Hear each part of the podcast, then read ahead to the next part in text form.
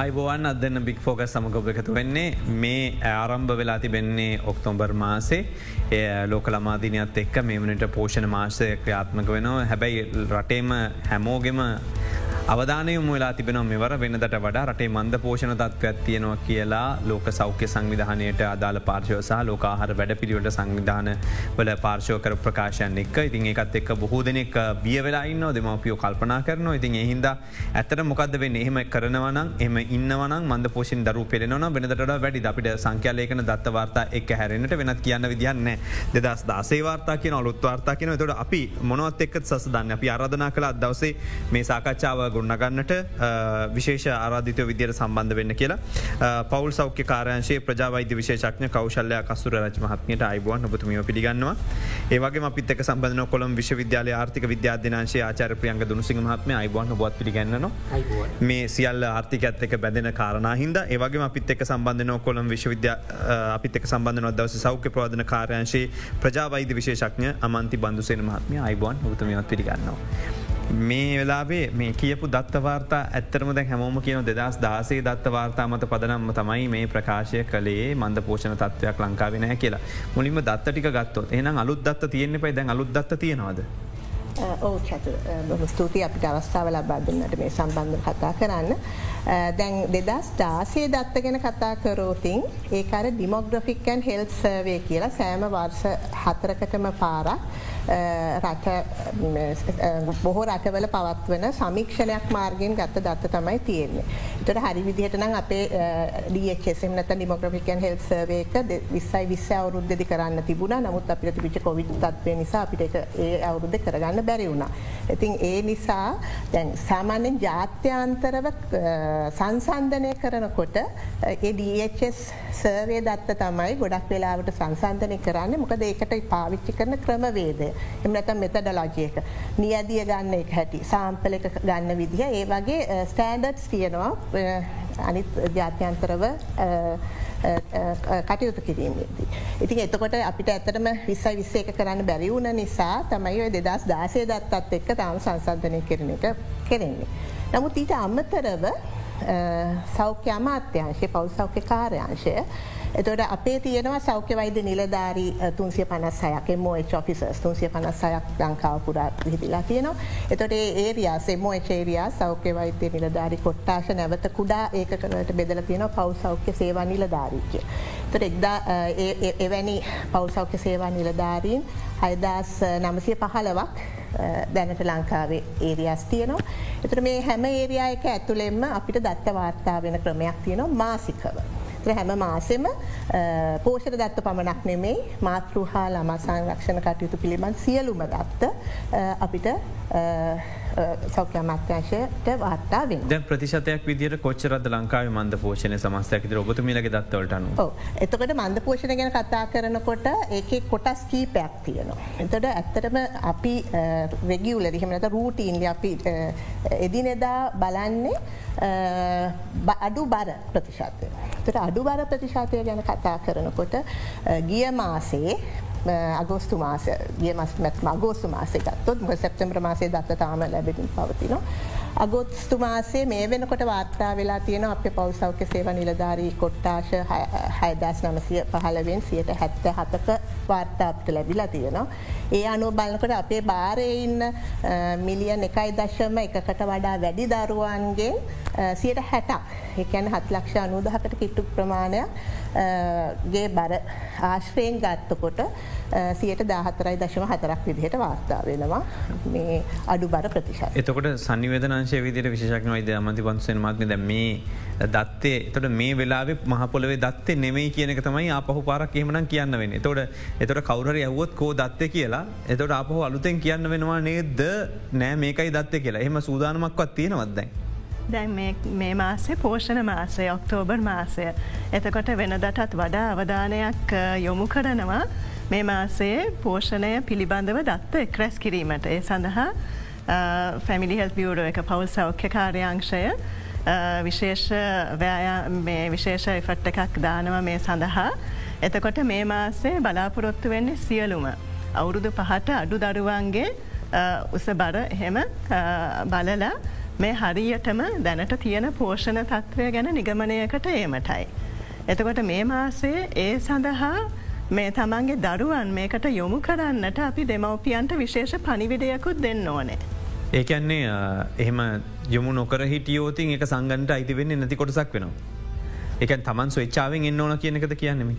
එහෙමමත් නෙවෙයි පවල් සෞඛ්‍ය සේවා නිලධාරණය තමන්ගේ බාරඉන්න දරුව සාමාන්‍යෙන් වයිසවු දෙකට වඩා අඩු අයනම් හැම මාසකම වගේ බර කියරන්න ඕන. එතකට ගොඩක් වෙලාවට පහුගිය කොවිඩ් වසංගත තත්ත්වත් එක ඒක රාශී කිරීම් අපි අඩු කරන්න කියපු නිසා පොඩි පසුබෑම පහුගේ අවුරුදු දෙකේ තියෙනවා. නමුත් දැන් ඒක හොඳටම පික්වෙලා යනවා. එකයි අපි දකින්න සියට හැටකටත් වඩා වැඩිකමා සාමාන්‍ය මාසකද දරුවන්ගේ බර මැලෙනවා. කෙටියෙන් ඇහුවොත් උසට සරිලන බරතියනවා කියන එකද මන්ද පෝෂණය නෙමයි කියලා කියන්නේ කොහොමද? මොකක්දවා ඔබතුමල ඒ කියන විදිහ මොකක් දැන් අපි දකිනොට චාට්ට කරගෙන වෙන්න ලේකා වැඳල මෙතන මාක් කල කියන මොකක්ද කොහොමද කියන්නේ මන්ද පෝෂණ නැද කියලා?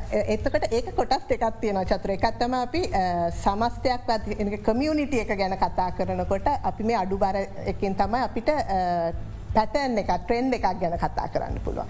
හැබැයි දරුවෙක් ඉන්ඩිවිජුවලි ගත්තොත් පුද්ගලිකවේ දරුවාගේ පෝෂණය තත්ත්වය සහ එයාට අවශ්‍ය වෛද්‍ය ඉන්ටවේෂන් එකක් කරන්න නම් ඒකට අවශ්‍ය වෙනවා ඊට වඩා ඒ දරුවාගේ උසට සරිලන බර තියෙනවද වයිසට සරිලන් උස තියෙනවද කියන ප්‍රමාණ ගැන කතා කරන්න. අපි කමියනිට එකන රටේ තත්වය පිළිබඳව අදහසක් ගන්න නම් අපිට මේ අඩු බර එකතම ඉස්සරලාම ඇෆෙක්ට් වෙන්න කියන්නේ ආහාර උනතාවකට ආහාර හේනියකදී මුලින්ම අඩුවෙන්නේ බර. එතට ඒකත් එක්ක බර අඩුවෙන දරුව ප්‍රතිශතය වැඩි වෙනවනන්තම අපිට කියන්න පුළුවන් සමස්තයක් විදිහට රටේ ලොක ප්‍රශ්නයක් තියනවා කියල. හැබ ඉන්ඩිවිජුවලි ගත්තපු හම එක ඊට වඩා වෙනස් ප්‍රවත්ති දැ මේ සියල්ල ආචර්පයන්ග දුනුසිංහ මාත්මය මාස ගානකට ඉස්සල්ල ආර්ථික විශේෂක්ඥෝ යම් පුරෝකතනය කර. ඔබතුමා මේ සාකච්ඡාවකද කිව්වා ඊළඟට එන්න පුළුවන් තශ්නය මේ වගේ දෙයක් මන්ද පෝෂණ තත්ව ඇතිවෙන්න පුළුවන් කියලා. දැතුර ලෝක සෞඛ්‍ය සංවිධානය වෙන වාර්තාවකර දස් දාසේ වාර්තාවකින් හරි දැම මේ ඇවිල තින ලෝක ට්‍රෙන්ඩ් එක මේක දෙ කියන සාමාන්‍ය ආර්ථික අර්බුදයක් එන්නකොට ඊළඟ අධියර වෙන්න මේ වද. මහිතනේ පැහැදිලිුවම ආර්ථික අර්බුදය තුළ ඇතිවෙන මූලික දේ තමයි රැකිරක්ෂා අහිමිවීම අනෙත් පැත්තෙන් ආදායම් උත්පාදන අහිමිවීම ඒ වගේම විශේෂය මුද්දමනකාරී තත්ත්වයන් යටතේ මිලදී ගැත හැකි බාණ්ඩ හා සේවා ප්‍රමාණය පහත යෑම. මේ දේ සිදුවෙලා තියෙනවා අවුරුද්ධක විතර කාලසීමාවක් තුළ ඉතා ප්‍රබල විදිහට පුද්ගලින්ගේ මිලදී ගැනීමේ හැකියාව පහළ ගිලා තියෙන විශේෂයෙන්ම ඒ අතරින් අපි කියන්නේ ආහාර උද්දමනය ඉතා ඉහල මට්ටමක තියෙන දැනට වාර්තාගත වෙන විදිහට සියට අනු පහක් විතර. දැන් මේ ආකාරයේ මිල වැඩිවීම අපි අපේක්ෂා කරන සාමාන්‍ය අවුරුදු දොළහක විතර දහයක දොළහක විතරදි පමණ කාලයක් තුළ වෙන්ඩ තියෙන මිල වැඩිවීමක් තමයි මේ එක අවුරුද්දක් තුළ සිදුවලා තියෙන. මෙහි අනිවාර්ය ප්‍රතිඵලය තමයි අපි කියන්නේ ආහාර වලට වැය කළ හැකි මුදල ක්‍රමාණුකූලෝ අඩුවීමත් එක්ක විශේෂයෙන්ම පාරිභෝජන අවස්ථා අහිමිවීම විශේෂයෙන්ම මිල අධික විදිර අපි දන්න දැන් පෝෂණයට රිජ්ජෝම බලපාන විශේෂෙන්ම ප්‍රෝටීන් වලට රිජ්ජෝම බලපාන මස්මාලුහා ඒ ආශ්‍රිත නිස්පාදන වගේ සීක්‍ර විදියට මිල ඉයලයමත් එක්ක ඒවා පරිභෝජනයට ඇති අවස්ථා අහිමිරදින. මේක තම අපි අප්‍රිකාව දැකලා තියන්නේ. අප්‍රිකාවේ ආර්ථික අහේනිය තමයි මූලික වසයම විශාල මන්ද පෝෂණයකට විශාල ගැටලුවකට මුහුණ දුන්නේ ඒ හා සමානව ලතින් ඇමරිකානු රටවල්ල මේ තත්ත්වය දැකලතින්. මිනිසා තමයි අපි මංහිතන අවුරුද්ධකට විතර පමණ පෙරදිකිව්ව මේ අර්බුදය එනවා. ඒ තුළ ආහාර සුරක්ෂිත භාවය සඳහා අත්‍යවශ්‍යම ආහාර නාස්තියාවම කිරීම හා පෝෂණය සහතික කළ හැකි ආහාර වේලක් හඳුන්වාදීමේ වැදගත්කම. මවිතන අඩුම ගානේ මා සටක් විතරවෙනවා ම අපි මේ වේදිකායම ප්‍රකාශ කරලා. එවැනි දේ සඳහා යායුතුයි මොකද අපිට මේ තියෙන ආර්ථික වටපිටාව ගත්තු තාමත් අපිට කියන්න බෑ මේක යම් ස්ථාවර ස්ථායිතාවයක පවතිනවා. ම මේ ප්‍රශ්ය ඔබතුම කියෙන අවුරුදු දොළහක විතර කාලෙක වැඩවීමක් තමයි මේ සී අනුපාක වැඩවීම කියර කියන්නේ. මේක එකවර වැඩිලා තින කෙටිකාල ඇතුළක අපේරට හැබ අනික් පැත්තට බැලුවොත් දැන් ගොවියගේ පැත්තෙන් ගත්තැන් පස්සේ පොහොර තුන්සිය පණහට ආණ්ඩුවෙන් සහනාධාරය දුන්න වීගොවියට. තොර පොහොරමිටිය දාහට විතර ගානට සල්ලිදිල අරගෙන මිනිස්සු වැැව්වා. ඒක තමයි අවසානයේ ජනතාවට අඩු මිලට හාල්ටික ලැබුණේ. දැ මේවර වෙලා තියන්නේ ආණ්ඩුව විසින් දරන්නේ නෑ ආණ්ඩුව කොටස පොහරවල තොට දහදා කියලක නොවීගොවියට ඉට වැඩිවෙන් ප්ලගන එතකොට මේ කොටස ප්‍රශ්නයක් නතියෙන් එවනත්තම් මීට ඉස්සල්ලත් මේ විදිහටම ආහාර සම්බන්ධ ප්‍රශ්නයක් උද්දමනය තියෙන් ඕන අදිසියොක්කත් පෝරසාහිතය මිල අත්තරියන. මේකේ දැන් අපිකොත් ද රුපියල් දාහයරි එදදාස් පන්සියට තිබිච්ච යුරියමිටිය අද රුපියල් විෘත වෙලද පලේ රුපියල් හතලිස් දාහක තිස්දාහකට ගිහිල්ල තියෙනවා. රුපියල් දහදහකට රජයේ පාලන මිල යට ලබා දෙෙන මේ ආකාරි පීඩනය එක පාරටාවයයි. ඒකට ප්‍රධානම හේතුව තමයි ආර්ථික අංස කීපයක් එකවර කඩාගෙන වැටුණ. එක් පැත්තකින් විදේශ විනිමයට අදාල අර්බුදයක් ගොඩ නැගුණ අනෙත් පැත්තෙන් රජයේ ආදෑමට ආදෑම් වියදැම් අදාල ගැටලුවක් ගොඩ නැගුණ අනෙත් පැත්තෙන් වසංගතයක් සමඟ ඇතිවුණු තත්වය මිනිස අනි ඒ වගේම ආර්ථිකය වැරදි විදිහට කළමනා කරණය කිරීම. මේවායේ ප්‍රතිඵල තමයි පෝරමිටි එදස් පන්සියේන්දලාද තිස්දාට අරගෙන කියලතින්නේ. එනිසා මම හිතන්නේ දැන් මේ එහි ප්‍රතිඵලයක් විදිට ආහාර මිලදී ගැන මිල අනිවාරයෙන් ඉහල යනවා තමයි. හැබැයි ඒ ඒ ආකාරය ඉහලයෑමකට ලක් නොවිය යුතුව තිබුණා අපි නිවෙන් නිවැරදි ආකාරයට කළමනා කරණය කරන. මේ උද්ධමන පාලනය මේ උද්ධමනය ඕනාවටත් වඩා ඉඩකඩ තිබුණ පාලනය කිරීමට විශේෂයෙන්ම වැරදි ආර්ථික ප්‍රතිපත්ති තමයි මූලික වසයෙන් මේ සඳහා හේතුනේ. එනිසා මම හිතන්නේ රජයට තවදුරට සහනාධාර ලබාදීග ඉදිරියට යෑමේ හැකියාවක් නෑ. එහි අනිවාර්ය ප්‍රතිඵලය වෙනවා වෙළඳපල තුළ අදාළ මිල ගණන් නිවැරදි ආකාරයට නිරූපණය වෙන. ඒ තුළ විශාල ජනතාවක් අසරණ භාවයට පත්වෙනවා. විශේෂයෙන්ම මේ ආදෑම් තත්ත්වය ඉහළ නොයන. තමන්ගේ රැකිය අහිමි වෙන තත්ත්වයක් තුළදි මේ ආකාරයේ විශාල උද්ධමනයක් කට මුහුණ පෑමට සිද්ධවීම. දැ මේ ආහාර ප්‍රශ්රය ගැන ආර්ථිකර්පුදය කියන කොටසනි බලපාලතින එතන එතන දැනිවාරෙන් දරන්න පුළුවන් ගානට ආහාර වේලක් සකසාදීම. මේ වෙලා යෝජන කරන්න වෛදතු මිල ති ඔබතු මේලා මොනවද දැන් කරන්න පුළන් අම්මලට දැන් බිත්තරේ ගන්න බැරිනම් බිතර භාගයක් දෙනක හරිද? හල්මැස්සු ගන්න බැයින මස්මාලු ගන්න බැයින මේ කරන්න පුළුවන් ඇත්තට මෙහම යෝජන තිනොද මෙන්න ආහාරවේල නැතම් පරණ කියපුවර සමබල ආහාරවේල කියනකම අපිට කිය කිය ඉන්නවද. නෑ. අපි යෝජනා කරන්නේ දැම් මේ ආර්ථික අර්බුදය අතරමැද පුළුවන් තරන් හොඳ පෝෂණයක් ලබා ගන්න පුළුවන් තරන් අඩු වියදමකට. දැන් අපි ගත්තොත් අපේ දේශීය ආහාර අපේ පලාතින් පලාතට තියෙනවා ගොඩක් නැවුම් එලවලු පළතුරු දැන් සාමාන්‍යයෙන් අපි එච්චරම ගොඩක් පරිභෝජනය කරන්න නැති එත් පෝෂ්‍යදායේ මට්ටමෙන් ගොඩක් ඉහළ එලවලු පළතුරු හෙමත් තියෙනවා. එතකොට දැන් අපි කියන්නේ මේ වගේ දේශීය ආහාරවලට අපි යමු. අපි අර අධික ලෙස සැකසූ ඇනැත්තන් ඔය පෝසෙස්ට ෆෝඩ්ස් කඩෙන් ගන්නවට වඩා අපේම දේශී ආහාර ගන්න. එතකොට අපේ මුදල් කලබනා කරණය කරන්න ඒගැන මොනවගේ දැන් අයක ගත්තන් පසේ අම්මල දෙන්න බයයින්න දැන් මේක මේ කියන ප්‍රෝටීන් ප්‍රමාණ තියනවද කියලා දන්නේනෑ. මේ කියන ගුණාත්මක බව තිනති මොනවගේ දේවල්ද යෝජනා කරන්න පුළන් උදෑසන ආහාරයක් විදිහට දැන් චතුර කිව්වා දැන් බිත්තරේ මිල වැඩි මාළුවල මිල වැඩි. දැන් අපිට කිලෝ එකක්ම ගන්න ඕන්නෑ. අපිට පොඩි ප්‍රමාණයක්වත් ගත්තොත් අපිට ඒකෙන් අපේ පවුලෙ පෝෂණය හරියට නඩත්තු කරගන්න පුළුවන්. අපි අර වන් පොට් කොකින් කියලා නැත්තං එක බඳුනක්. හැටියට ඔක්කොම ආහාර පිසගන්න ඒ සංකල්පයටත් දැන් යනවා.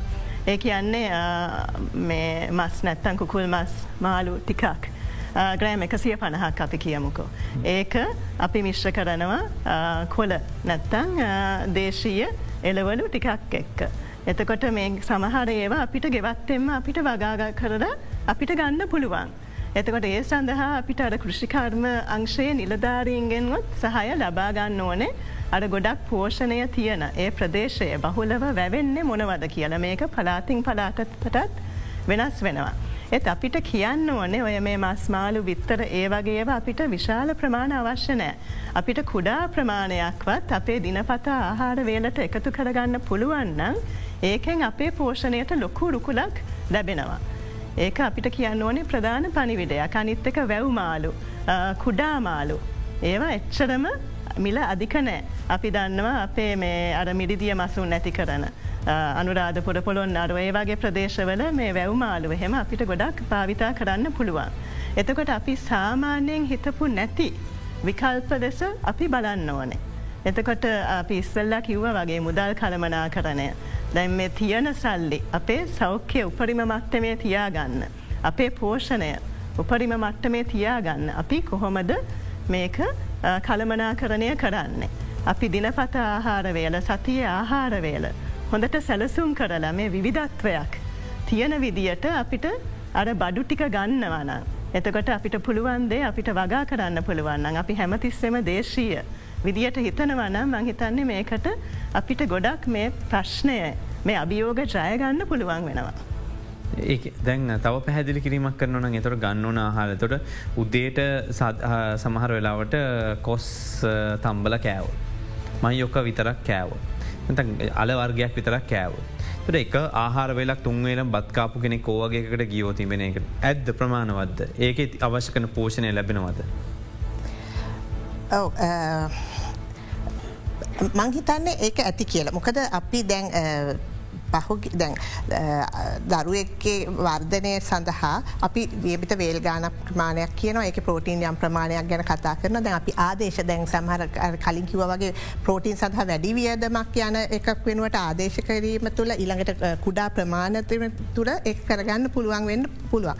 ඒත් එක්කම දැන් දැන් උදේආහාර වේලකට කොස් සහ පහසෙක් තමන්ගේ ප්‍රදේශය ලබාගන්න පුළුවන් දේවල් ලබා ගැනීම තුළ මංහිතන්නේ අපිට මේ සිටුවේෂන ඇතුළ මේ ක්‍රයිසි සිටුවේෂන එක ඇතුළේ අපේ දැන් ගොඩක් වෙලාට කලින් කිව වගේ අදායම් තත්වය ගොඩක් පහත වැටලා තියෙන මේ අවස්ථාවේදී මහිතට අපේ අරමුණ වෙන්න තවදුරටත් කඩා වැටීම මේ පෝෂණ මට්ටම කඩා වැටීම වලක්වා ගැනීම ඒ සඳහා මහිතන්න ලොකුරු කලක් වේවි. එතකොට දැන් දෙල් සීසන්න ඉවර දැන් ආය එන්න පටන්ගන්න තොට දෙල්කන්න නෑ රට මිනිස්සු දෙල් ගොඩක් විනාශ නො සමාර්තැන්ගල තොට කියන්නේ ගම උස්නේ කන්න බෑ කියල තුර වෛදරු විදියට ඕවගේ කෑම් අනුමත කරනවද මේ වගේ ප්‍රශ්නයක් තියෙන අවස්ථාවක.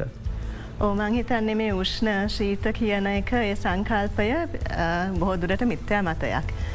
තමන්ට ඒ ආහාරයට අසාත්මිකතාවයක් නැත්තං අලර්ජිය එකක් නැත්තන් ඒක අපිට කන්න පුළුවන්. එතකොට අපි කොස්ස එහෙම ගත්තොත්. අපි දකිනව ඇත්තටම බිම්මට්ටමේ. ඔය මවහවුල් වගේ සමාජ කණ්ඩායම් හරහා ගොඩක් දුරට මේවා පාවිච්චි කරලා තියෙනවා. අපේ සාමාන්‍ය කොත්තු රොටි වෙනුවට. කොස් කොස්වලින් කොස් කොත්තු. හදල තියෙනවා ඇතකට කොස් කොත්තු හදලා ඒකට එලවලු එහෙම ටිකක් දාලා බිත්තරයක් දාලා සැකසුහම ඒක ඉතාම පෝෂදායි ආහාර වේලක්. ඒ වගේ විකල්පවලට තමයි අපිට යන්න ඕනේ. එතකොට එහෙම අර මේක කන්න හොඳ නෑ අරක කන්න හොඳ නෑ මේක උෂ්ණය මේක සීතලය කියලා එහෙම මංහිතන්න මිත්‍යා මත තුළ රැඳිල හිරවෙලා ඉන්න හොඳ නෑ මේ වගේ වෙලාවක. ආචර්පයන්ග දුණු සිකමත්ම මේ අර්බුදයක් අවස්ථාවකදී එතකොට හැසිරෙන්නේ කොහොමද සාමාන්‍යෙන් ආහර රටාවට බුද ආර්ථික විද්‍යාවකුවට තුර මොනව ආදේශක විදිර අපිට ආර්ථික අර්බුදයකද ගන්න පුළොමකද ගොඩ දෙනෙක් කියනවා දුපත් පවල් ගැන කතා කරන බඩු බෙදන්න කතා කරන ඔක්කොම. හැබැයි මැද පන්තිය මිනිසුතමයි මේක ලොකුම පීඩාවට පත්තලා තින් ඒගොලතමයි ගොඩක් කලාට වෙලසලකින් බඩුගන්න යන්නේ වෙදට තියෙන කාට්ක පිරි අරගෙන එන්න බෑ. වගේම ගන්න ප්‍රමාණය අඩු වෙලා ඒගොල්ලන්ගේ ලොකු ප්‍රශ්නයක් තියෙනවා. මම හිතන් ඒගොල්ලන්ගේ ප්‍රශ්නය තියෙන් අර පෙර ගතකරපු සුකෝබෝගී ජීවිතය යම්මට්ටමක සුකෝබෝගී ජීවිතය තවදුරටත් ගත කිරීමට තියෙන ඉඩපාඩ අයිඩ අවස්ථාව අහිමිවීම කියන පච්චත්තාපය තමයි මූලික වසයම තියෙන්නේ. හැබැයි මම හිතන්නේ අනිවාර්යම මේ ආර්ථික ගැලපුම සිදුකිරීමේදී ඒ ආකාරයේ ජනජීවිතය බිඳ වැටීමක් අපිට අපේක්ෂා කරන්න සිද්ධ වෙනවා. නමුත් වඩාත්ම මෙතනදී අවධානය යොමු කළ යුතු කොටස තමයි මම හිතන්නේ අපි ගෙනවර සවයිවල් එක තර්ජනයට තර්ජනයකට පත්වෙලා තියෙන පහල ආදෑම් ලාබීන් තමයි අපි මෙහිදී විශේෂ අවධානය යොමු කරන්න ඕන. මම හිතන ආකාරයට අත්‍යවශ්‍ය වෙන්නේ මේ පවුල් කෞුද කියලා නිසියාකාරව හඳුනාගෙන ඒ පවුල්වලට අදාළව අපිට කුමනාකාරයේ මැදිහත්වීමක් කළ හැකිද යන්න හා දැනුවත් කිරීමක් කළ හැකිද යන්න යන යන්න මේ පිළිබඳ අවධාන යොමු කිරීම තමයි මූලික වසයම කරන්න ඕන. දැන් අපි කියන්නේ දැන් අර මෙතුමියකෝගේ ප්‍රදේශයෙන් ප්‍රදේශයට අපි දැන් දේශීය එලවලුකුවට ප්‍රදේශ ප්‍රදේශයට වෙනස් හරි තමහරලාට කියන නමත් වෙනස් හරි. එහින්ද මේක මේ ජාතික මට්ටමේ ඉඳලා අපිට මේක තල්ලු කරන්න බෑ. ඒ වෙනුවට ග්‍රාම යම්කිසි ගමක් ගත්තහම ග්‍රාමසේවා වසමක් ගත්තාම රජයේ නිලධාරීන් කීප පොලකින්න. ඒ අයට විශාල මැදිහත්වීමක් කරන්න පුළුවන් ඒ පවුල් මොනවද කියල නිසියාකාරව ඒ පිරිස දන්නවා. මෙන්න මෙතන ගේ තියෙන් අන්නර වෙලායින ගෙදර අය තමයි මෙතනදී පොඩි අයින් ඒත් අය තමයි විශාල අර්බුදයට ගිහිල්ල ඇතිීමන අපි කොහොමද එයට මම ගැන රජයේ ආධාර හරි මොනෝහරි වෙනයම්දේ එන්ඩ ඉස්සල්ලා අඩුම ගාන තියෙන සම්පත්තික නිසියාකාරෝ කළමනා කරණය කිරීමට අවශ්‍ය දැනුව ලබා දෙන්න කොහොමද? ඔහුන්ගේ මැදිහත්වීමෙන්ට අද වෙනකං අපිට පේන්ඩ නෑ එහෙම මැදිහත්වීම ජාතික මට්ටම අපි කතා කරනවා මන්ද පෝෂණය ගැන කතා කරනවා ගොවි තැන නගා සිටීම ගැන කතාරන විධාකාරදය ගැන කතා කරන හැබැයි අද වෙනකං අපි දකින්නේ නෑ ගමේ ඉන්න ග්‍රාම සේවකාරි කෘෂිකර්ම නිල්ධාරහරි සංවර්ධ නිල්ධාරහරි අනික්කුත් අය තමන්ගේ නිසි මැදිහත්වීම සිදු කරනවා. මේක තමයි මම හිතන්නේ බරපතලම තත්වය මම දැක්කා විශේෂම මෑතකදී කියපු එක්තර ආකාරක වැඩ සටහනකට අදාළුව යම් වෘතිය සමීතියක් ප්‍රකාශ කරලා තින අපේ සහයෝගය ලබාදින්නේ නෑ කියලා. මේ ආකාරයට මංහිතන්න මේ රට අරගෙනයන්ට බෑ. හරි මේ රට අරගණයන්ට නම් මෙවැනි අර්බුදකාරී අවස්ථාවක ජනාධිපති හෝ අගමැති හෝ ඇමති මණ්ඩලය විතරක් ඔහුන් කරන දේ බලාගෙන ඉඳලා විතරක් මම හිතන්නේ නෑ අපිට පුළුවන් වේ කියලා මේ අර්බුදයෙන් ඇතිවයකි අහිතකර ප්‍රතිපාක නවත්තන්න. ජාතියක් විදිහට මම හිතන්නේ මැදිහත්වීමක් අවශ්‍ය වෙනවා බිඳවැටුණු ආර්ථිකය හා බිඳවැටුණු ජනජීවිතය ගොඩනගන්න. ඉතින් ඒ වෙනුවට අපි කාට් කවුරු හරි කරනකම් බලා ඉන්න තත්ත්වයකට තමයි අද පත්වෙලා තියෙන්නේ. දැන් හැටන් දික්කොය රෝහලෙන් වාර්තා වෙලා තිබෙනවා. ඒ දවසේ හැටන් රංජිත් රාජපක්ෂ වාර්තා කළ දුන පුවත් පත්වලට මේ බොහෝ දින ගණනක් තිස්සේ ආහාර නොගත්තු පිරිස් රෝහල්ට පැමිණෙනවා කියලා. එතකොට ඒ අයි සම්බන්ධ විමසීම් කලතුනේ වෛද්‍යර එතොට ඒ එතන ඉන්න වතු ප්‍රජාව. එතොට ඒ අයගේ ආහාරටවන් කොහොම මේ පිටිත් එක් එමනතම් අපි ගෙන පාම් පිටි මනතන් තිරකු පිටිත් එක් බැඳිල තිබුණ. දැම පිටිමිලි හලමත් එක් කලන වෙනත් ආදේශක නැද මොහර අපි ගලන්න යෝජන කරන පුළුවන් දේවල් තිය නොදබතුම ද මේ වගේ දෙවලට යොමුෙන් තාව කාලිකහෝ ගන්න පුළුවන් දේවල් කියලා. මංහිතන්න පිටියාහාර වෙනුවට බත්වලට දැන් අවුරුදු පහකටත් කලින් ඒ වෙලාවෙත් උත්සාහයක් තිබුණ. මේ බත්තාහාර වේල ප්‍රවර්ධනය කරන්න විශේෂයෙන්ම වතුහා ආශ්‍රිත පෙරපාසැල්වල. සමහර දවස්වල කියලා තිබන නිර්දේශ කරලා තිබුණ දරුවන්ට බත්තාහාර වේල ගේන්න කියලා. එතකොට මේ බත්තාහාර වේල මේ දරුවන් ක්‍රෙශ්ෂකට එන දරුවන් මේක ගේනකොට කියන්නේ දිවා අර මධ්‍යස්ථාන සුරැකුම් මධ්‍යස්ථානයට ගේනකොට ඒ සමගම ඒ පවුලත් පෙළඹුණ බත් ආහාරවේලට යන්න. එතකට මේක දැන් අවුරුදු කීපයකට පෙර මේ වගේ වෙනස්වීමක් හැසිරීමේ චර්යාවල වෙනස්වීමක් සමහර වතුකර ප්‍රදේශවල අපි දැක්කා. එතකොට මංහිතන්නේ අපිට අපි සියලු දෙනාටම අපි අරමිතුමා කියපු වගේ අර හරි සුකෝපභෝගී විදියට ජීවත් වන කට්ටියට ඒකෙන් ටිකක් වෙනස් විදියට හිතල චර්යාවන් ඒ වගේ වෙනස් කරන්න ඕන එතකට අපි සියලු දෙනාට කිසියම් වෙනසක් කරන්න ඕනේ අපේ චර්යාවල අපි කණබොන දේ ගැන. එතකොට අපි ඉස්සල්ලා කිව්ව වගේ ප්‍රදේශයේ තියෙන බහුලයව වතුකරයත් බහුලව ගන්න පුළුවන් සුලබව තියෙන එතකොට අඩු මිලට ගන්න පුළුවන් දේවල් තියෙනවා. එතකොට බලන්න ඕනේ අපි අපේ ප්‍රදේශයේ ඒ වගේ මොනවද ගන්න පුළුවන් කියලා දැනුවත්වීම ඉතාමත්ම වැදගත්. එතකොට මෙතුමා කිව්ව වගේ මේක එක අංශයක වගකීමක් නෙවෙයි. මේ සඳහා සියලුම අංශ එකට වැඩ කර යුතුයි. කෘෂිකර්මාංශය. එතකොට ග්‍රාම සේවා මට්ටමෙන්. එතකොට අපි සියලුම දෙනා සාමූහිකව මේ සඳහා උත්සාහයක් දැරුවොත් මංහිතන්නේ අපිට මේකට ගොඩක් ලොකු දෙයක් කරන්න පුළුවන් වෙනවා. තමත් කෙටියෙන් ඇහෝත් අපි අප්‍රිකා වගේ රටක් නෙමේ අපි මේ කොලපාට රටක් ඕන තරන් ගස්ස වන කොළ වැවෙන හිද අපේ වගේ රටක් මන්ද පෝචෙන්ට යන්න කියලා ඇතම කියනවා. ඒක ඇත්තක්ද. කන්න ඕන තරන් ජාති තියනවා කියන යන්න මම පෞද්ගල විශවාස කරන එක ඇත්තක් කියලා. මම හිතන්න අපි අප්‍රිකා රටක් බවට පත්වේ පත්වේ කියලා මංහිතනේ බරපතලම අර්බුදය තියෙන්නේ ග්‍රාමෙන් නාගරික දුප්පත් ප්‍රජාව තමයි මංහිතන්නේ විශේෂ අවධානයක් යොමු කරන්න ඕන. මම හිතන්නේ ග්‍රාමීයව ඔය කියන මට්ටමේ අර්බුදයකට යන්ඩ ඉඩක් නෑ. හොඳ. අපි විරාමකට යොමු වෙලා එන්නම් මේ අද දෙන්න බික් ෆෝකස්.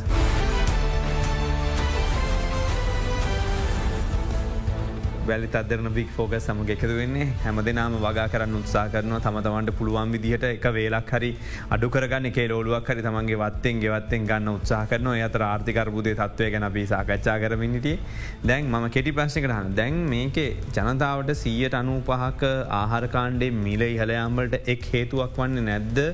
මේ ප්‍රවාහනය තින ප්‍රශ්නය. එතකොට දැන් ඩීසල් මිල රුපියල් හතලියකින් අඩු කරාන ඒක පෙටල් මිල අඩු කරනට වඩා ඩීසල් මිල අඩුනෝතින් ඒ වාසිය ලංකා වැඩිපුර භාවිතා වෙන්න එතකොට එවැනි මිල අඩුවීමක් ඇඩු උනා නම් යම් විදිියකට ඒ හරහා විශාල තෙරපුමක් අපි කියන මේ බැලන් සොක් පේමට එකට නැන ගෙවුම් සේසිට එල්ලෙන්ඩත් තිබුණ. ඒ හර තෙල් සඳහා අවශ්‍ය වන ඩොලර් ප්‍රමාණය ඉහල යන්නත් තිබුණ. අනි පැත්ති අපි පෙට්ටල් වලට අදාළව හුගක් වෙලාට ඉතිහාසේ ඉඳලා තියෙන්නේ අදහස තමයි මේ කාර් භාවිතා කරන අයට තමයි පෙට්‍රල්වල වැඩි සානයක් යන්නේ කියලා. බැයි අපි අමත කළ නොකළ යුතු දෙයක් තමයි ත්‍රීවිල් මෝට බයි විශාල ප්‍රමාණයක් ග්‍රාමීයව විශාල විදිහට භාවිතා වෙනවා නාගරිකවත් භාවිතා වෙනවා. මේ නිසා මම හිතන්නේ මේ අද ඉහල ගිහිල්ල තියෙන උද්ධමනය පහත හෙලීමට නම් උපියල් හතලියකින් ඩීසල් ලෝ පෙට්‍රල් මිල පහත දැමීම කියන දේ කිසි සේත්ම අදාළ වෙන්න නෑ. මොකද මේකෙදී හැම දෙනා මුත්සා කරන්නේ ඒ තමන්ට තියෙන වාසිය තමන් නතු කරගන්න. ඉති එහින්ද අපේ මේ වෙළඳ පොළවල් තරඟකාරයෝ ක්‍රියාත්මක වෙන නෑන වෙළඳ පොළවල් හුඟක් වෙලාවට ඒකාධිකාරී විදිහට එක්ෙක් සංවිධාන තමයි මිල තීරණය කරන දැන් ත්‍රීවිල් රත හිමිකරුව කියලා තියෙන අපිට පෙට්‍රලීට පෙට්‍රලීට විස්සත් දෙනවන විස්සත් දෙනවනම් සතියකට අපි සූදානන් මිල අඩු කරන්න කිය හරි? ඒ ආකාරයට තමයි මේ වෙළඳපල හැසිරෙන්නේ. එනිසා මංහිතන්න මේ ආර්ථිකර්බුදයෙන් පස්සේ විශාල අභියෝගයක් තියෙනවා.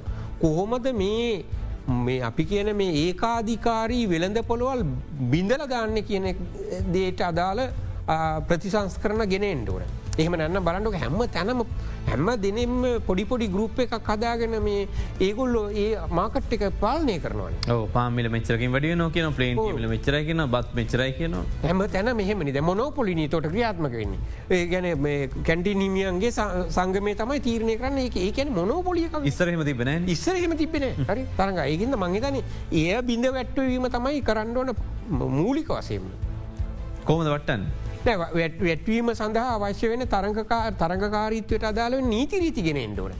මූලික වසේ මේ සඳ අපිගෙන අර ෆයා ට්‍රේඩිං කමිෂන් කියලා තියෙනවා.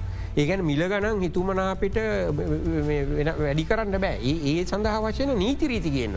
ලංකාය වෙලා තියෙන්නේ රටපාලනය කරන මිනිස්සුවත්. ඒකන්නේ දේශපාලඥයන්ගේවත් නිලධාරීන්ගේවත් බිස්නස් කරන කට්ටියගෙවත් ළමයි මෙහෙ නෑන. හරි මෙහෙනෙම ඉන්න පිටට එතොට මේ මේ රටපාලනය කරනවා සෙට්ට එකක් ඒ පාලනය කරන මිනිස්සුන්ට කිසිතු අදාලත් යන්න මේකට මොනව වුණ. ඒක තම ඇත්ත තක් නෑ හිතේ. නෑ නෑ කිසි තෙතක් නෑ මේවා හරිගස්සන් ඩුමනාවක් නෑ. සද හොල බලන්ටකු අද හොල බලන්න රාජ්‍යනිල්ධාරීන්ගේ. හරිද ව්‍යාපාරිකයන්ගේ. දේශ පාලංජිගේ ළමයි මෙහ ඉන්නවද කිය. ඒ කවුරුවත් නෑ අසරණ මිනිස්සුන්ගේ ළමයිටික මෙතන ඉන්නවා. ඒ අය පාලනය කර කර අරකට්ටිය නවා ඒකෙන් හම්බ කරන ටිකත් පිටරටට අරගෙන යවනවා. ඔබතුමාද රජයෙන් පටිගන්න කට්ටියන අප පලන්ගේ අවසන්න අපි සේවයක් කරලා පඩිගන්න හරි? අපි ඔක්කොට පොත් වෙන මේ කොටසක් ඉන්න මෙතන කොටසක් අපි ඕකට හැම තැනම කියන්නේ කොටසක් ඉන්න කොටසක් ඉන්නවා කියලන්න ද ඕනම දේකට මේ වනහම අපි කොහොම දරකට හැගිලා අයිගෙන එහෙමනෑ හොඳ කට්ටිය ඉන්නවා කියලන. හැබැ හොඳ කට්ටිය කොච්චරද කියලා හොල බලන්නවා ගන්න නමාරුවේ. මේ සාධාරණ වෙලඳ පොල කියන ප්‍රශ්න තමයි මෙතන තියෙන ප්‍රශ්ති සාධාරණද කියනක දැන් ඔය ඔබතු මේලා දෙන පොතේ දරුවක ඉපදුනයන් පස්සේ තොට එන්නත් වර්ග ගණනාවත් තියෙනවා. තොට ඔක්කොම දේවල්ටික දම්මලට දැනුවත් කළ තියෙනවා. දැන් ඔබත් වෙල කිව්ව මේ එන්න අවුදු පහට සිරුදන මැල්ල බලන්න කිය හැබයි ඔතන විශාල කොටසක් න්න පෞද්ගලිකරෝ හල්වලට යන කටිය තොට එහම සංගලනයක් කරනවට රටේ කියන සාමන තිස්තුන් සිට තිස්සුන දශම හතරක් විතර ඉන්න කියලා දරු ප්‍රතිශාදයකතර එක කොච්චරකෝකට අදාල වෙනවද ඔය දෙයක් බලන්නකට කොච්චර ප්‍රමාණක කොච්චර වයසීමක එක බලන්නවද. සාමනෙන් දැන් මේ පෝෂණ මාසය තුළ අපි බලාපොරොත්තු වෙන වයස අවුරුදු පහට අඩු සියලුම දරුවන් මේ ඇන්ත්‍රපොමැට්‍රිය කියන්නේ බර සහ උසස් දිග මැන සටහන් කරන්න. එතකොට සාමාන්‍යද මේ පෝෂණ මාස්ත මේ අලුත් මේ අවුරුද්ධට අපපු අලුත් සංකල්පයක් නෙවේ මේක පහුගේ වසර ගණනාවක් තිස්සේ එක දිගට හැම අවුරුද්ධ එක මාසයක් මේ සඳහා වෙන් කරනවා. එතකොට සාමාන්‍ය කාලෙකට සියට අනු පහක්කට වඩා වැඩි ප්‍රමාණය මේ මාසය තුළදී අපේ සෞඛ්‍යවෛද නිලධාරීතුපන්ට හැකියාව තියෙනවා. පවසෞක් සේවා නිලධාරීන් මගින්. ඒගුලන්ගේ උසබර වාර්තා කරන්න සියට අනු පහක් වගේ වෙන. ගිය අවුද්ධ පොඩි අඩුවීමත් තිබන සියට අනුව එකක් දක්වා ඉති අපි මේ අවුද්ධ බලාපොරොත්තුන සියට අනු පහකට වඩා ද අප සාමානය අවුරුදු පහට අඩු දරුවෝ මිලියන එකයි දශම් පහක් පිතර ඉන්නවා. ඒ මිලියන එකයි දශම් පහෙන් සියට අනු පහක් පිතර ප්‍රමාණයක් අපි බලාපොරොත්තු වෙනවා මාසය තුළ උස බල බන්. මොකද ගොඩාත් දරුව එන්නත් සඳහ අපි වෙත යොමු වෙනවා. ප්‍රයිවට් ගන්න ප්‍රමාණ බොහොම කුඩයි. නමුත් එහෙම අය වුනත් අපේ පවසෞක සේවා නිලධාරණය සමඟ සම්බන්ධතා තියෙන ගොඩක් වෙලාවට. එහෙම නැති අයගින් අපි ඉල්ලා සිටිනවා. පුළුවන්න මේ මාස ප්‍රයිවට් හරිකමන්ද කරගත්තොත් ඒ පිළිබඳව අදාල පවල් සෞඛ්‍ය සේවා නිලධාරීට දැනුම් දෙන්න කියලා. එක ඒක අපිට උදව්වක් වෙයි අපේ පෝෂණ තත්වය පිළිබඳ දැනගන්න. එ සෞඛ්‍ය ප්‍රවර්තන සමාන. ඊට අමතරව පාසල් දරුවන්ගේත් සාමානෙන් අපේ වෛද නිලධාරීතුමන් හැම පාසලක් තමන්ගේ ප්‍රදේශය තියෙන පාසැල්වල සෞඛ්‍ය පරීක්ෂණ පවත්වනවා. එතට මේ වසර තුළ මේ මාසය තුළ අපි විශේෂීම මේ පෝෂණය ගැන සතහන් කරලා අපි කියලා තියෙනවා උපදෙස්දීලා තියෙනවා තමන්ගේ ප්‍රදේශය තියෙන මහජන සෞඛ්‍ය පරීක්ෂ කොට්ටාස මට්ටමින් දෙසියට අඩු දරුවන් ඉන්න එක පාසලක් සහ දෙසියට වැඩිය ඉන්න එක පාසලක් විදිහට තෝරාගෙන ඒ දරුවන්ගේ පෝෂණ මට්ටම මැන වාර්තා කරන්න කියලා. ඒකිනුත් අපිට පුළුවන් වේ පාසල් දරුවන්ගේ පෝෂණ තත්ව පිළිබඳවත් යම් අදහසක් ගණඩි කියන අපි බලාපොරොත්තු වෙන පාසල් තුන්දා සාර්සිකට වැඩි ප්‍රමාණයක මෙම සමික්ෂණය වෙසිදුවේ කිය මේ මාසය තුර සෞඛ්‍ය ප්‍රාධන කාරයශයත් ඔක්කොමල ගහසගේ කාල මුණදුන ප්‍රශ්යත්තමයි මේ රියල් ටයිම් ඩේට එන්නේ නැතියක තුර මේ පාරත් උස බර මැන්ලිවරලා පොතේ ලියාගන්නවා දෙමනත්තන් කොළමින් මේ බලන්න පුළුවන්ද? දිස්ත්‍රික වශයෙන් මේ සම්බන්ධයෙන් අවධානය මුකන පුළුවන් තත්ත්වයක් ඇතිවෙනවාද තියෙනවා. මොකද අපිට දැනට වෙබ් බේ සිිස්ටම් එකකින් අපි දත්ත පද්ධතියක් තියෙනවා. ත්‍රේ දත්ත පද්ධතියටම තමයි අපි දත් එකතු කරන්නේ. එතකොට ෆිල් ලෙවල් එකේ ශේස්ත්‍රයේදී උසබාර මැනලා සටහන් කරාට පස්සේ ඒක එම සටහන්ම මේ බී කොටස පH මිඩ්වයි වගේ අපිට වාර්තා වෙන යාගේ මාසික වාර්තාව පෝෂණ මාසය සඳහා වෙනමම අපි දීල තියෙන ෆෝමැට්ටයක් ඒගොල එක ගැන පොඳට දැනුව.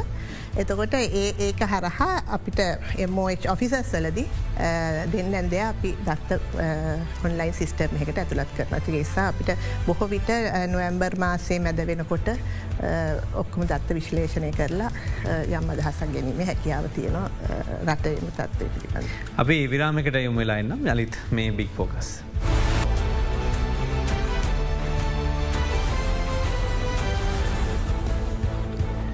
ඔබ යළිත් බික් ෆෝකස් සමඟ සම්බන්ධ වෙන්නේ අපි මේ සාකච්ඡාව ගොඩ්නගන්න ඇතර මන්ද පෝෂණ තත්වයක් තියෙනවද එකට මොකද කරන්න පෝෂණ මාස කියලා පෝෂණ මාසති මොනවද කරන්න පුළුවන් දේවල් කියලා.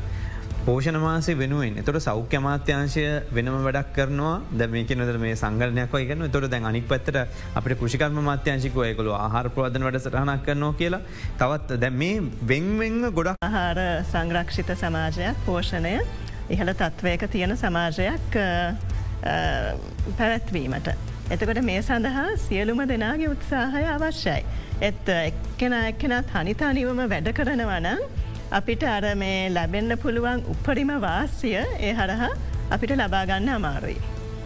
එතකොට දැන් ආපහු පාරක් කාල පරණ ප්‍රශ්නවලට එන්න වෙන එතකොට මේ ආහාර රටාව වෙනස් කරගන්න නම් තොට ජනතාවට මොනවද දෙන්න පුළුවන් තවත් උපදෙස්. අර මම ඉස්සල්ලා කිව්ව වගේ පුළුවන් තරන් තමන්ගේ ප්‍රදේශයෙන් බහුලව ගන්න පුළුවන් පහසමිලට ගන්න පුළුවන් දේවල් වෙත අම්පියට යොමුවීමට අපි දැන් හුරු වෙන්න ඕනෑ. අපි ඉස්සල්ලා හෙම කෙරුවේ නැතත්. එතකොට අර එච්චරම අපි පාවිච්චි කරපු නැති දේවල් තියෙනවා. දැන් අපි ගත්තොත් මුරුංග වනත් මුරුංග කොල ගොඩක් පෝෂදායි මුරුංගත් ගොඩක් පෝෂදායි. දැන් සමහර ප්‍රදේශවල මුරුංග වැටවල් හැටියට වවනවා. ඒත් ඒක කොච්චර දුරට කනවද තමන්ගේ පවුලට ගන්නවද. එතකොට සමහරු තමන්ගේ ගෙවත්තේ වැවෙන පළතුරු එලවලු වලින් එච්චර අර උපරිම ප්‍රයෝජනයක් ගන්න දැන් අපි රෝහලක් පිට ගිහාමත් ලෙඩෙක්ව බලන්න ගිහාම මොනවද අපි දකින්නේ? දැන් මෑත කාලයක් නෙවෙයි. දැ මාස කීපයකට කලින් අපි දැක්කේ ඇපල් දොඩම් මිදි ඒත් දැන් අපේම වත්ත තියෙන ඒවා. ජම්බු පේර අපේම පළතුරු. ඒව නැවුම් ඒවල පෝෂදායි ගුණය ගොඩක් ඉහලයි. දැන් ඒ වගේ ඒව ලෙස අපි බලන්න නැත්තයයි. දැන් පෙරපාසල් ළමයෙක්ට වුණත්. පෙරපාසලට පළතුරක් ගන්න කිව්වහම. කලින් ඉස්සල්ලා අම්මලා හිතන්නේ අර ඇපල් ගෙඩිය මිදි ඒක ගැන ඒක නෙවෙයි අපි හිතන්න ඕනේ අපේ වත්තෙන්ම ගන්න පුළුවන් අපේ වෙරලු උගුරැස්ස ඒ වගේ දේවල් ගොඩක් අපිට පාවිච්චියට ගන්න පුළුවන්. නමුත් දැන් දේශය වෛද්‍ය මාත්‍යංශය සහ දේශය වෛද්‍යරු ඒ සම්බන්ධය යෝජනා කරද්දි. අපේ ඔළුවල තියෙන්නේ තාමත් මේ වෛද්‍යරු කියන නිර්දේශ විදිහට ඒදේවල්. තර ෆුඩ් චාට්වල ගත්තත් තාමත් තියෙන්නේ ගොඩක් වෙලාවට සම බලාහරල්ලා පරතුරල ගත්තම ඇපල් දොඩම් මේ වගේ වතයි මාක් කල්ල තොට මංහිතන වයි මේ තියන චාර්සල දීන් දෙවලුත් වෙනස් කරන්න වෙයි නේ දෙමනම් වටහිර වෛද්‍යරුන්ගේ අධ්‍යාපනය හදාරපු වෛදිරපතු මිනට. අලුත හදන්න මේ කියලමං කියන යෝජනා. ඕමං හිතන්නේ අපේ අලුතින් හදල තියෙන චාටස් වඩනං අපේ දේශීය දේවල් තියෙනවා සමහරවිට පරණයවල් වල ඇපල් ොඩන් එහෙම තියන්න පුළුවන් ඇත අපි විශේෂ අවධානයක් යොමු කරනවා සෞඛ්‍ය ප්‍රවර්ධන කාරයංශය හැටියටත් අපි හදන මේ පත්‍රිකා පෝස්ටර් වල හෙම අපේ දේශීය දේවල් තමයි අපි ප්‍රවර්ධනය කරන්නේ. දැන් ඒක ආහාරවෙල ගන්න කියනට කිරි චීස් බටර් මේ වගේ දේවල් යෝජනා කරන ගොඩත් දෙවල මේ දැන් දරන්න පුළුවන් මට්ට මේ නෙමේ තියෙන්නේ කාටක්කත්. තුර ඒවගේ වට යෝජනාව නිදිරිපත් කෙරෙනවද මොනොහරි ඒවගේ උතේශයෙන් විශේෂම දියර කිරි වීදුරුවක් බොන්න පුරදු වෙච්චයින්න වගේ තමයි පිටිකිරි බොන්න පුරදු වෙච්චයින්න මේ වගේ දේවල් ගැනත් අවධානය යොමු කළ තියෙනවද. ඕමන් හිතන්නේ දැන් දියර කිරි වීදුරෝ අපි හැමෝම දන්නවා මේක මිල දැන් ගොඩක් අධිකයි පිටි කිරිවල මිල ඉතාමත් මාධිකයි ඊට වඩා දියර කිරිවල මිල ටිකක් පහස්සොයි. එත් ඒකත් අපිට ගන්න බැරි නඳැන් ඇත්තටම දැන් කිරි කිරිවලින් අපිට ප්‍රෝටීන් ලැබෙනවා ඇත්ත.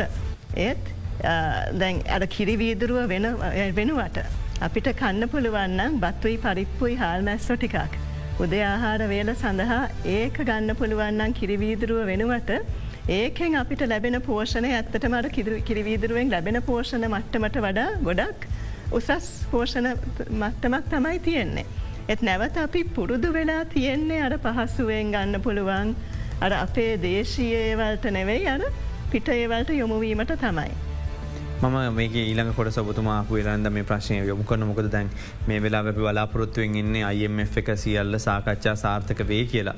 නමුත් චීන නාය ප්‍රතිවියහ ගත කරණය කිරීම කියන කොටස ඉතා වැදගත් වනවා අනෙකුත් නයහිමියන් පවා තීන්දු තීරණ ගැනීමට. තුර මේ කොටස දැන්ඩ තියන් තත්වයනු යම්කි සාර්ථකත්වයක් තියෙනවද නැත්තන් IMF නයත් නැතිවන තත්වයක්ද පෙන්නුම් කරන්නේ. දැනට මම හිතන්නේ IMF නය නැතිවෙන තත්ත්වයට පත්වෙන් පත්වීමට අදාළව තත්ත්වයක් නිර්මාණය වීමට ඉඩ නෑ එක විශේෂයම චීනය පැත්තෙන් ගත්තත් ඒක අවාචිසාගත තත්ත්වයක්. මොකද අපි තවදුරටත් ආර්ථික වසයෙන් පරිහානියට පත්වනොත් එහි අනිවාරෙන්ම කිසිසේත්ම නය අපසු නොලැබෙන තත්වයකට පත්තෙන්ඩත් පුළ අනිත් පැත්තෙන් චීන ආයෝජනවලට ඉතාමත් අහිතකර පරිසරයක් නිර්මාණය වෙන්ඩත් පුළුව. මිනිසා මම හිතන්නේ නෑ නේ නය චීන ප්‍රතිචාරය නය ප්‍රතිවූව ගත කිරීමේ වැඩසටහන්ට එරෙහිව නිර්මාණය වෙයි කියලා ම හිතනවා චීනය යම් ආකාරයක ධනාත්මක එකඟතාවයකට එකඟතාවයක් දක්වයි කියලා. හැබැයි වැදගත්ම වෙන කාරණාව තමයි අපි දැන් ජාත්‍යන්තර මූල්‍ය අර මුදලේ ණය සඳහා අධ්‍යක්ෂක මණ්ඩලයේ අනුමැතිය ලබාගත්තත් අපි ඊට පසුව තව කාලයක් අපිට ඉන්ඩ වෙනවා ඒ තමයි අර එක්කෙක් නය ගනු නය හිමිකරුවන් සමඟ අදාළ ගිවිසුම් වලට එළඹෙනතෙක් අර ජාත්‍යන්ත්‍ර මූල්‍ය අර මුදලේ අය ක්‍රියාත්මක වීමට කෙටි ප්‍රශ්යන්ත මේ ප්‍රශ් තියනවන තොට දැංචි දැන් ඉක්වදෝර සම්බන්ධය සිද්ධිය ගත්තෝතින්. එහිදී කාල දීර්ග කිරීමක් විතරයි වෙන්නේ. අපේ නයවලට මුකුත් එකදොර නාවට ප්‍රශ්නයක් එහම තියන නයිටික අපිටත් එවැනි දෙයක් වුණෝතින් මේකෙන් ගොඩන්න තියෙන ඉඩකට අඩුයි නේද නෑ එමතනදි වැදගත්වෙන්නේ ණය තිරසාරභාවය ඇතිවෙන ආකාරයේ ණය සඳහා වූ යම් සහනයක් ලබා දීමනි. එතකොට ඒ කාලය දික්කිරීම අපිට ණය තිරසාර කිරීමට උපකාරී වෙන මට්ටමට කාලය දික්කරොත් ඒකත් සහනයක්. ණය කපා හැරියොත් එක තැනම අපිට නයිස්තිර සාරභාවය ඇති කරන්න ඒකත් සහනයක්. එන්ද සහනය විවිධ ශුරූපයෙන් එන්න පුළුවන්. හැබැයි අවසාන වසයෙන් වැදගත්වෙන්නේ එක දෙයයි සහතික් කරන්න ඒ තමයි ණය තිරසාරභාව ඒ කියන්නේ ලංකාවට දරාගැ ණය ආපසු ගෙවීම දරාගන්න ගත හැකි ආකාරයට ණය ගෙවීම මේ ප්‍රතිවිහ ගත කරන අය ගෙවීම සංශෝධනය කරනවා. එහෙම කරාට පස්සේ අපිට පුළුවන් අනිකුත් වැඩත් කරගෙන අනිකුත් ආර්ථිකය කටයුතුත් කළමනා කරණය කරමින් අදාළ ණය ප්‍රමාණය ගිවාගෙන යන්න. දැන් තියෙන්නේ අපිට ගෙවාගෙනයන්ට බැරි අයකටන අපි මුහුණ දිල තියෙන්නේ. ඉති ඒ තත්ත්වය අපි වෙනස් කරන්න ඕන. ඒක්කෝ කල් දික් කරලා එහෙම නැන්නම් පොලියෙන් කපලා පොලි පහතේලලා ඒ විදිහට. එහම නැන්නන් තියෙන ණය වෙනුවට වත්කම් හුවමාරු කරගෙන අපි දන්න චීනය ඒ ආකාරයේ ගණු දෙනුවකට පිළිබඳ අදහසකින් පවසුගෙනවද කියලා. එක ක්‍රඩිටස්ල ගේශවරන්ස එක කම්බෙලා තියනද මේ වන විට තියන් තත්වයන හාමනෑන සම්පූර්ණයම ඇසුවරන්සකන අවත්‍ය වශයෙන් ඒ හරියට අර දොස්තර මහත්තයා සල්ලකරමය කරන්න ඉස්සර ඔක්සිජන් සප්ලයික සාතික කරන්න කියලා කියනවයි ඒ තමයි නය තිරසාර භාවය කරන්න උදව් කරනවා කියලා ක්‍රඩිටේස්ල කියන්න ඕන. එතොට දැනට තාම නියමාකාරය විශේෂම ජපානය පැත්තෙන් නිවැරදි ආකාරයට ප්‍රකාශන මංගේත ඉන්දියාව පැත්තෙන් එකඟතාවට ප්‍රකාශලා තියෙනවා. ඊට අමතර අපි මේ වන විට සාකච්ඡා කරමින් පවතින නමු චීනය සම්බන්ධයෙන් වූ කාරණාව තාමත් අපිට අර මහා අර කර අපි ගැන පාරක් මැද තියෙන ලොකු ගලක් වගේ යම් බාධකයක් විදිර තියෙනවා නමුත් මං අපි විශ්වාස කරනවා එය ක්‍රමාණුකූලුව යම් ආකාරයට විසන්දේවි කියලා. අවසන් වශයෙන් ඔබතුමන් ඔබතුමියට පනිවිඩයක් ලබා දෙනවන කෝමද මේ පෝෂණ මාසෙත් එක් එකතු වෙන්න ඕන. පෝෂණ මාසයත් එක් එකතු වෙන්නකට මහිතන්න අපි දැනට විශාල ව්‍යයාමයක් ගන්නවා මේ පෝෂණ මාසය සාර්ථක කරගන්න මේ වෙනකොට සෞඛ්‍ය වෛද්‍ය නිලධාරීන් සියලු දෙනාත් එක්කම තාක්ෂණ දැනුම ඔවුන්ට නැවත ලබාදීම අලුතෙන් ට්‍රේන් කිරීම ඒ වගේ හැම දෙයක්ම කරලා තියෙනවා. එතකොට මේ පෞසෞක සේවා නිලධාරණීන් සියලුම දෙනා මේ සඳහා කැපවෙලා වැඩ කරනවා මේ මාසය ඇතුළත කාර්ය සාර්ථක කරගන්න. ති මට තියන්නේ ඉල්ලීමක් කරන්න සියලුම දෙමවපියන්ගෙන් ඔබට අවුරුදු පහට වඩා අඩු දරුවෙක් ඉන්නවා නම් ළඟම තියෙන සෞඛ්‍ය වෛද්‍ය නිලධාරී හම නැත්තම් පව් සෞඛ්‍ය සේවා නිලධාරණය වෙත යොමු වෙන්න ඔබේ දරුවාගේ බර උස හෝදික මැනගන්න. එය ඔබට වගේම රටටත් මේ වෙලා වෙදී අවශ්‍යතාවයක් විදිහෙත්ත. පෙන්ම සූතියි අපිත් එක් අද දවසේ මේ සාකච්ඡාව සඳහා සම්බන්ධනා කොළඹ විශ්වවිද්‍යාලයේ ආර්ථික විද්‍යාධ්‍යනාංශයේ ආචාරය ප්‍රියංග දුනුසිංහ මහත්ම බොහම සූතියඔබට ඒවගේ එකතුන දවසේ සෞඛ්‍ය ප්‍රවාධන කාරංශය ප්‍රජාවෛද්‍ය විශේෂඥ අමන්තී බන්දුසෙන් මහත්මය බොහම සූතියපතුමීට ඒකම පවල් සෞඛ්‍ය කාරංශයේ ප්‍රජා වෛද්‍ය විශේෂඥ කෞශල්‍ය කස්තුර රජ මහත්මය බොම සූතියවතු. වැඩසට අවසන් කරන්න අපි ප්‍රෘති විකාශනයන බලාපොරොත්ත.